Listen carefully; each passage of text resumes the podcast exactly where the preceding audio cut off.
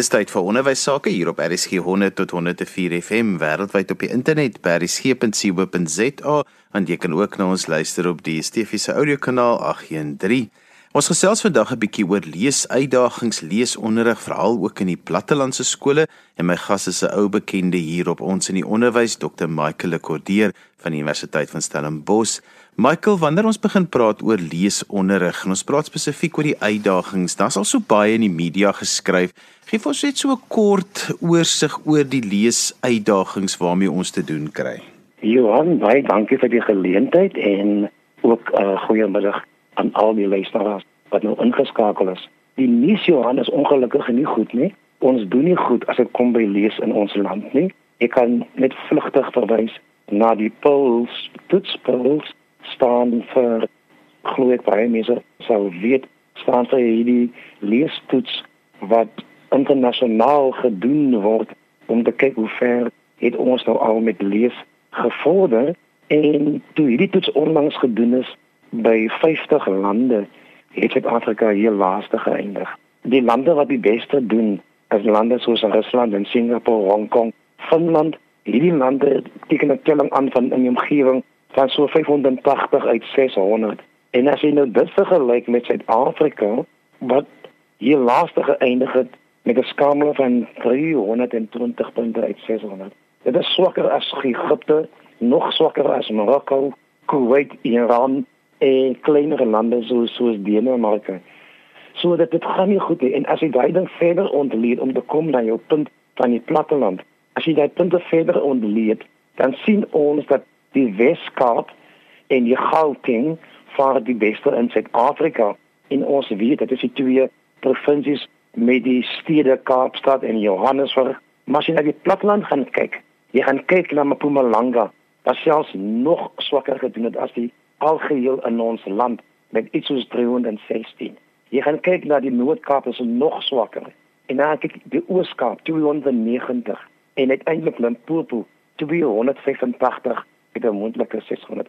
Dan sien jy ons provinsies waar daar op die ver afgeleë platteland daar gaan dit geweldig sleg.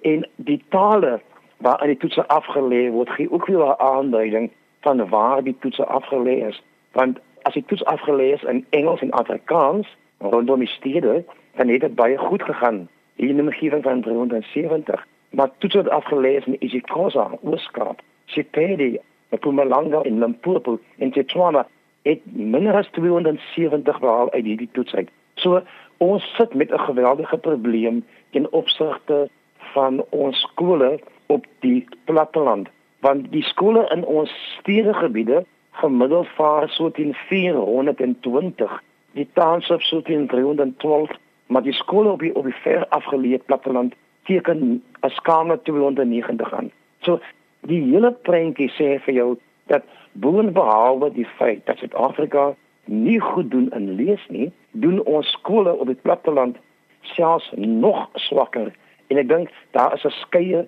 oorsake daarvan waarna 'n mens ook kan kyk. Maar ek wil ek wil baie graag hê ons moet gou kyk na daardie oorsake want iets wat ek nie lekker verstaan nie is ons het baie goeie leermateriaal wat na skole toe gaan. Daar's goeie handboeke, daar's goeie leesboeke, daar's ongelooflike goeie mense wat by ons opleidingsinstansies sit wat studente en onderwysers oplei. Die staat doen alles wat hulle kan om hulpbronne en dinge beskikbaar te stel. So dit is net vir my interessant dat ons nog steeds die, al hierdie uitdagings het. So as jy dit vir my dalk in daai konteks kan verduidelik. Jy sien Johan, internasionaal is dit omtrent net so 5% van alle kinders wat nie voldoen aan die verwagtinge nie. Maar in Suid-Afrika en veral in ons plattelandse skole is dit bykans 80%. Dit wil sê 8 uit 10 kinders kan nie lees met begrip nie.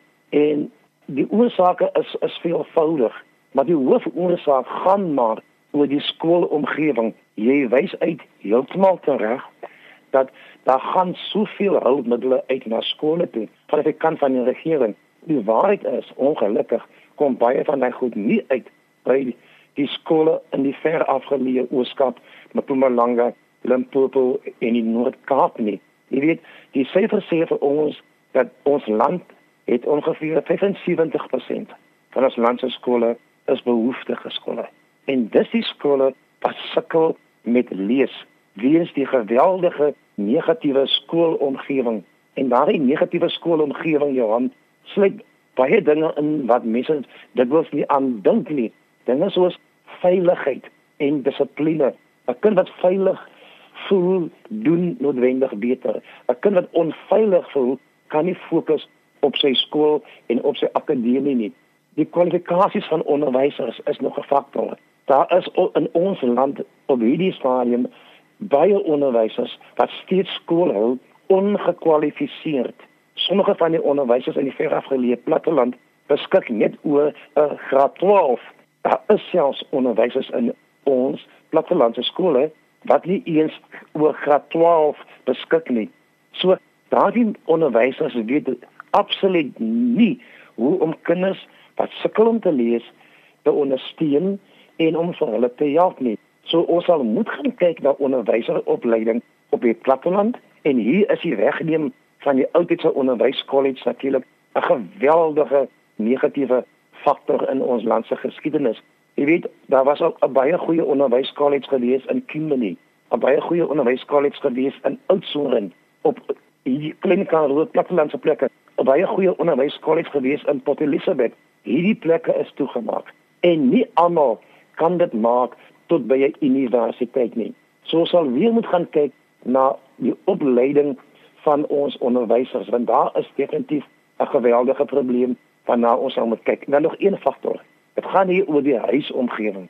Die navorsing wys vir ons dat waar 'n kind in 'n huis groot word waar die ouers kan lees en waar die ouers gewoond is om te lees en waar daar dus baie leesmateriaal in die huis beskikbaar is. Daardie kinders presteer so goed soos ons lande in Europa. Maar die ander kant van die waar is baie van ons ouers kan nie eens lees nie. Hulle kan nie vir die kind storie lees in die aand nie. Daar is geen leesboeke of tydskrifte in so 'n huis nie. So daai kind kom reeds met die agterstand van uit die huislike omgewing. So ja, die onderwysdepartement stuur baie dinge skool toe, maar ek wil voorstel ons moet ernstig kyk na die opleiding van ons ouers op die platteland. Van 'n ouer wat kan lees, kan mos 'n kind ook help om te lees. Michael, daar's baie interessante ding vir my altyd dat jy net verwys na die onderwyskolleges. Ek meen ek is deur die hande van Irene Loos wat 'n legende in leesonderrig is en Annetjie Hanne kom. Daardie mense wat letterlik as jy deur hulle hande is, dan het jy presies geweet. So begin ek kind leer lees en so ontwikkel ek daardie lees. So vat ek hom tot by 'n vaardige leser en 'n vlot leser en so vat ek hom tot by 'n funksionele leser. Dit voel vir my baie keer of daardie kollektiewe kennis wat ons daardie jare gehad wat oor 'n lang tydperk in studente ingesit is, dat ons nie meer daardie tipe van intensiteit het as mense dan in die praktyk ingaan nie. Jy is heeltemal korrek, Johan. En dit is daardie kennis, het jy genoem namens wat Annetjie Hanna kom. Dit is daardie kennis wat ek ek is so bekommerd dat daai kennis op die ou einde verlore sal gaan. En ons sal op plan die onderwysdepartement sal met 'n vennootskap gaan met kenners en kundiges op die gebied van lees en sal moet begin om daardie kundigheid deel te maak van die indiensopleiding van onderwysers. Want dis een ding Johan om 'n onderwyser te wees. Maar dis dis 'n heeltemal 'n ander ding om 'n leesonderwyser te wees. Jy weet baie onderwysers is net opgelei om geskiedenis te gee. Hulle is glad nie opgelei om 'n kind te help wat nie kan lees nie. En die waarheid is dat ons almal sit terug en almal neem die houding in van dat 'n kind moet in die grondslagfase leer om te lees. Dit is daai juffrou se se plig, dink almal, om die kind te leer lees. Die waarheid is, die klasse is so geweldig groot, jy kan nie by almal uitkom nie. Dit is ongelukkig so dat jy sit vandag met baie kinders in die intermediêre fase, selfs in graad 8 het ek gevind met 'n eie navorsing wat sukkel om te lees. So die onderwyser wat nou wil geskiedenis gee in die intermediêre fase of in op die hoërskoolfase kan geskiedenis gee tot jy blou in die gesig is. Maar as jy kind nie die inhoud of die aantekeninge of die handboek kan lees en dit verstaan nie, gaan daar niks kom van daardie onderrig nie.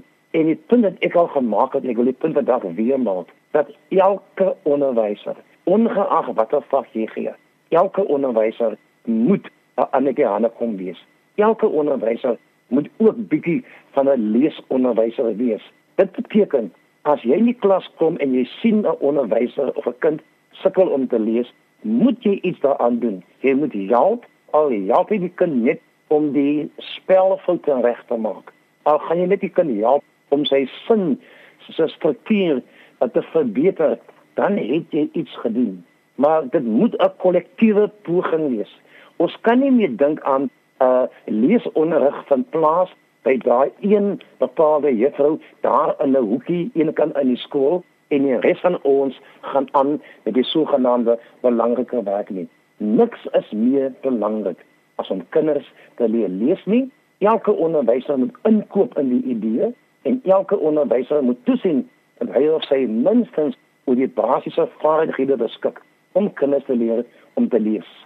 Michael, as jy nou by plattelandse skole kom en ek weet jy kom gereeld daar om 'n verskil te maak, wat sê jy by daardie skole? Hoe help jy? Wat is die wenke wat jy gee? Johan, baie dankie. Die heel eerste ding wat ek gewoonlik doen as ek op 'n op 'n skool kom op die platteland, is ek vra vir die skoolhoof om vir my te wys waar die skool se biblioteek. Kom ons gaan kyk bietjie wat gaan aan in die biblioteek. En Johan, wat jy sien is ongelukkige baie hartseer storie, want ons syfers wys vir ons dat 62% ek sê weer 62% ses uit elke 10 skole in ons land het nie 'n skoolbiblioteek nie. En die hartseer hiervan is dit was 10 jaar gelede presies dieselfde so in die laaste 10 jaar is daar op daai gebied geen vordering gemaak nie. Dit is bewys dat waar daar 'n skoolbiblioteek is wat toegerus is met goeie en interessante leesboeke wat die kinders op belangstelling sal prikkel, dat gaan 'n verskil maak. Ek wil ook nog 'n ding gesê vandag. En dit is die hele beheptheid met sogenaamde media sentrums of tegnologie of tablette. Ek het ook gehoor die president wil vir elke kind 'n tablet gee. Ek het geen probleem met tegnologie nie. Ek dink dit is die toekoms en ek dink ons almal moet onsself bekwam in die tegnologie van die dag. Maar ek kan nie loop alvorens jy nie eers kan kruip nie. Jy kan nie met 'n rekenaar of 'n tablet werk as die kind nie kan lees nie. En wat ons sien gebeur is dat skole vervang hulle biblioteke met 'n sogenaamde media sentrum. Boeke word uitgegooi of word gepak in bokse en weggepak en vervang met tablette of met rekenaars. Ek wil pleit dat die skoolbiblioteek weer tot sy reg kom. Johan, ek het 'n student gehad en sy het 'n studie gedoen oor wat biblioteke kan doen vir kinders se lees spesifiek op die platteland. Die student van my het gekom van Namakwaland en sy is vandag 'n vakaffisier daar in Namakwaland. Die skoolbiblioteek moet tot sy reg kom. So dis die heel eerste ding wat ek wil voor pleit op die platteland, juis omdat daai kinders kom uit huise, soos ek gesê het van Effend, waar by die huis is daar nie 'n leesatmosfeer of 'n leesomgewing nie. Jy's daai kinders moet in die skool aan boeke bekend gestel word. En onthou ook, Johan, ons het deesdae 'n leesperiode op die skool en ek wonder of daai leesperiode tot sy reg kom. Ek wonder of die leesperiode nie maar net aangewend word om die klasregisters na te sien of om die jongste loetjies uit te deel aan die kinders nie. Ek wonder of kinders in die leesperiode gekonfronteer word met tydskrifte, met die jongste koerante en met lekker leesboeke waarmee hulle hulle self kan vereenselwig. Ek dink ons moet gaan kyk na die klein en die eenvoudige, die basiese goedjies wat ons weer in plek sit. Michael, jy's van jaar jou rusjaar by die universiteit waar jy tyd het om bietjie te reflekteer. Dis altyd my interessant wat mense in hulle sabbatical jaar doen en dink oor. As jy nou dink oor die jaar wat ook nou al weer amper verby is, wat is die dinge wat in jou kop deurgegaan het oor leesonderrig spesifiek? Vertel vir ons 'n bietjie. Ja, toe ek en ek, en ek is dankbaar dat ek 'n jaar sabbatsverlof ontvang het van die universiteit, want dit dit dit, dit gee vir my die geleentheid om bietjie rond te beweeg in ons skole. En wanneer ek na skole toe gaan, jy weet voor ek begin gesels met onderwysers, sê ek altyd vir hulle die volgende ding. Onderwysers onthou net ons kinders mag sukkel om te lees, maar met die regte hulp en met 'n goeie ingesteldheid kan ons 'n verskil maak in 'n kind se leesvermoë. Johan, ek het by 'n skool op Stellenbosch het op 'n stadium 0% behaal vir daai skool se leestoetse. En ek het vir 'n jaar of twee, 'n hele paar jaar met daai skool gewerk. Ek en nog 'n paar mense van die onderwysdepartement. En 'n paar jaar later het hy selfe skool 100% behaal in hulle leestoetse. Maar en dit, dit was 'n sogenaamde plaaskool gewees. 'n Bewys dat ons kan 'n verskil maak as elkeen saamwerk en as elkeen sy deel doen. So dit is die eerste boodskap. Ja, die ideaal is dat ons elke skool moet 'n gekwalifiseerde leerling ondersteuner onderwyser hê, maar dit is eintlik 'n luukse, is dit nie? Ons land kan dit nie meer bekostig nie en juis as gevolg daaraan moet elke onderwyser vir hom of vir haarself sê dis my verantwoordelikheid om ook meer uit te vind van hoe ek kinders kan help om te lees. So wanneer ek na skole toe gaan, nooi ek nie net die sogenaamde taalonderwysers uit om te kom luister nie. Ek sê vir die hoof, ek wil met die hoof en met elke onderwyser gesels. Almal is welkom by my sessies en almal moet eintlik kom luister want ek kan iets bied vir elke onderwyser as 'n span saamwerk. Die lees dan kan ons sukses behaal die leesvermoë van 'n skool hang af tot watter mate die skool as 'n span kan saamwerk. Maar as ons die geweldige taak net aflaai op die skouers van die sogenaamde leesjuffrou, dan gaan die skool se toe. Michael, een van die dinge wat nogal kommerwekkend is en ek kry baie daarmee te doen is is dat jou intelligente kind kan baie keer vorder tot hierso graad 7, graad 8 met hulle intelligensie en hulle kan dit amper haal verskans dat hulle nie regtig funksionele lesers is nie. En dan is dit 'n groot probleem dat skielik raak die werk te veel en dan moet hulle nou op daai funksionele leesvaardighede terugval en dan het daai vaardighede nooit ontwikkel nie en niemand het dit ooit opgetel nie. Dan vra almal altyd vra maar hoekom het niemand dit opgetel nie? En ek dink dis baie keer 'n groot probleem in ons skole. Ja. En Johan baie keer word daai uh, dinge nie opgetel nie omdat ons by baie skole die houding inneem dat daar as een of twee mense op die skool wat moet kyk na lees. Maar as elke onderwyser ingestel is om seker te maak dat die kinders goed kan lees, as meer as een onderwyser begin toesig hou oor ons kinders se leesvaardighede, dan kan dit mos net beter gaan. Dan is die kans dat sulke gevalle baie vroeër opgespoor sal word, mos net heelwat beter. So dit kom maar weer eens neer op die feit dat dit almal moet saamwerk, almal moet hulle deel doen en ons moet kinders die geleentheid gee in graad 6, graad 7 en 8 om ook selfstandig te lees. Ons moet kinders die geleentheid gee om luid te lees en onderwysers moet luister as kinders luid lees. Want dit is die enigste wyse hoe ons gaan optel indien 'n kind sukkel met lees. Want baie keer gee vir kinders boeke en jy sê vir kinders vir die volgende halfuur moet julle asseblief stil bly en lees jou boek. Maar hoe weet ons of daai kind werklik daai boek lees en verstaan? Hoe weet ons of die kind werklik waar intelligent omgaan met so 'n boek? Nee, daar moet ook geleenthede wees waar ons vir kinders sê, maar weet jy, elkeen van die hele moet nou vir my Jy het seker in jou boek iets baie mooi raak gelees, iets baie interessant. Kom ek gee nou vir elkeen 'n kans om net vir ons een paragraafie luid voor te lees oor die ding wat jy in jou boek gesien het wat jy dink almal sal daarin belangstel. Jy weet, soek tegnieke om kinders deel te maak van die leesperiode. Die leesperiode moet alles behalwe 'n les wees wat dat doel se stilte is en almal moet in stilte saam lees lees moet ook 'n lekker saam doen ding wees waar ons kan leer by mekaar en mekaar kan ondersteun.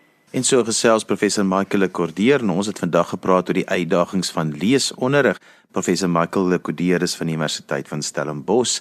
Onthou jy kan weer na vandag se program luister as se potgooi. Laai dit af by resgep.co.za. daarmee groet ek dan vir vandag tot volgende week van my Johan van Lille. Totsiens.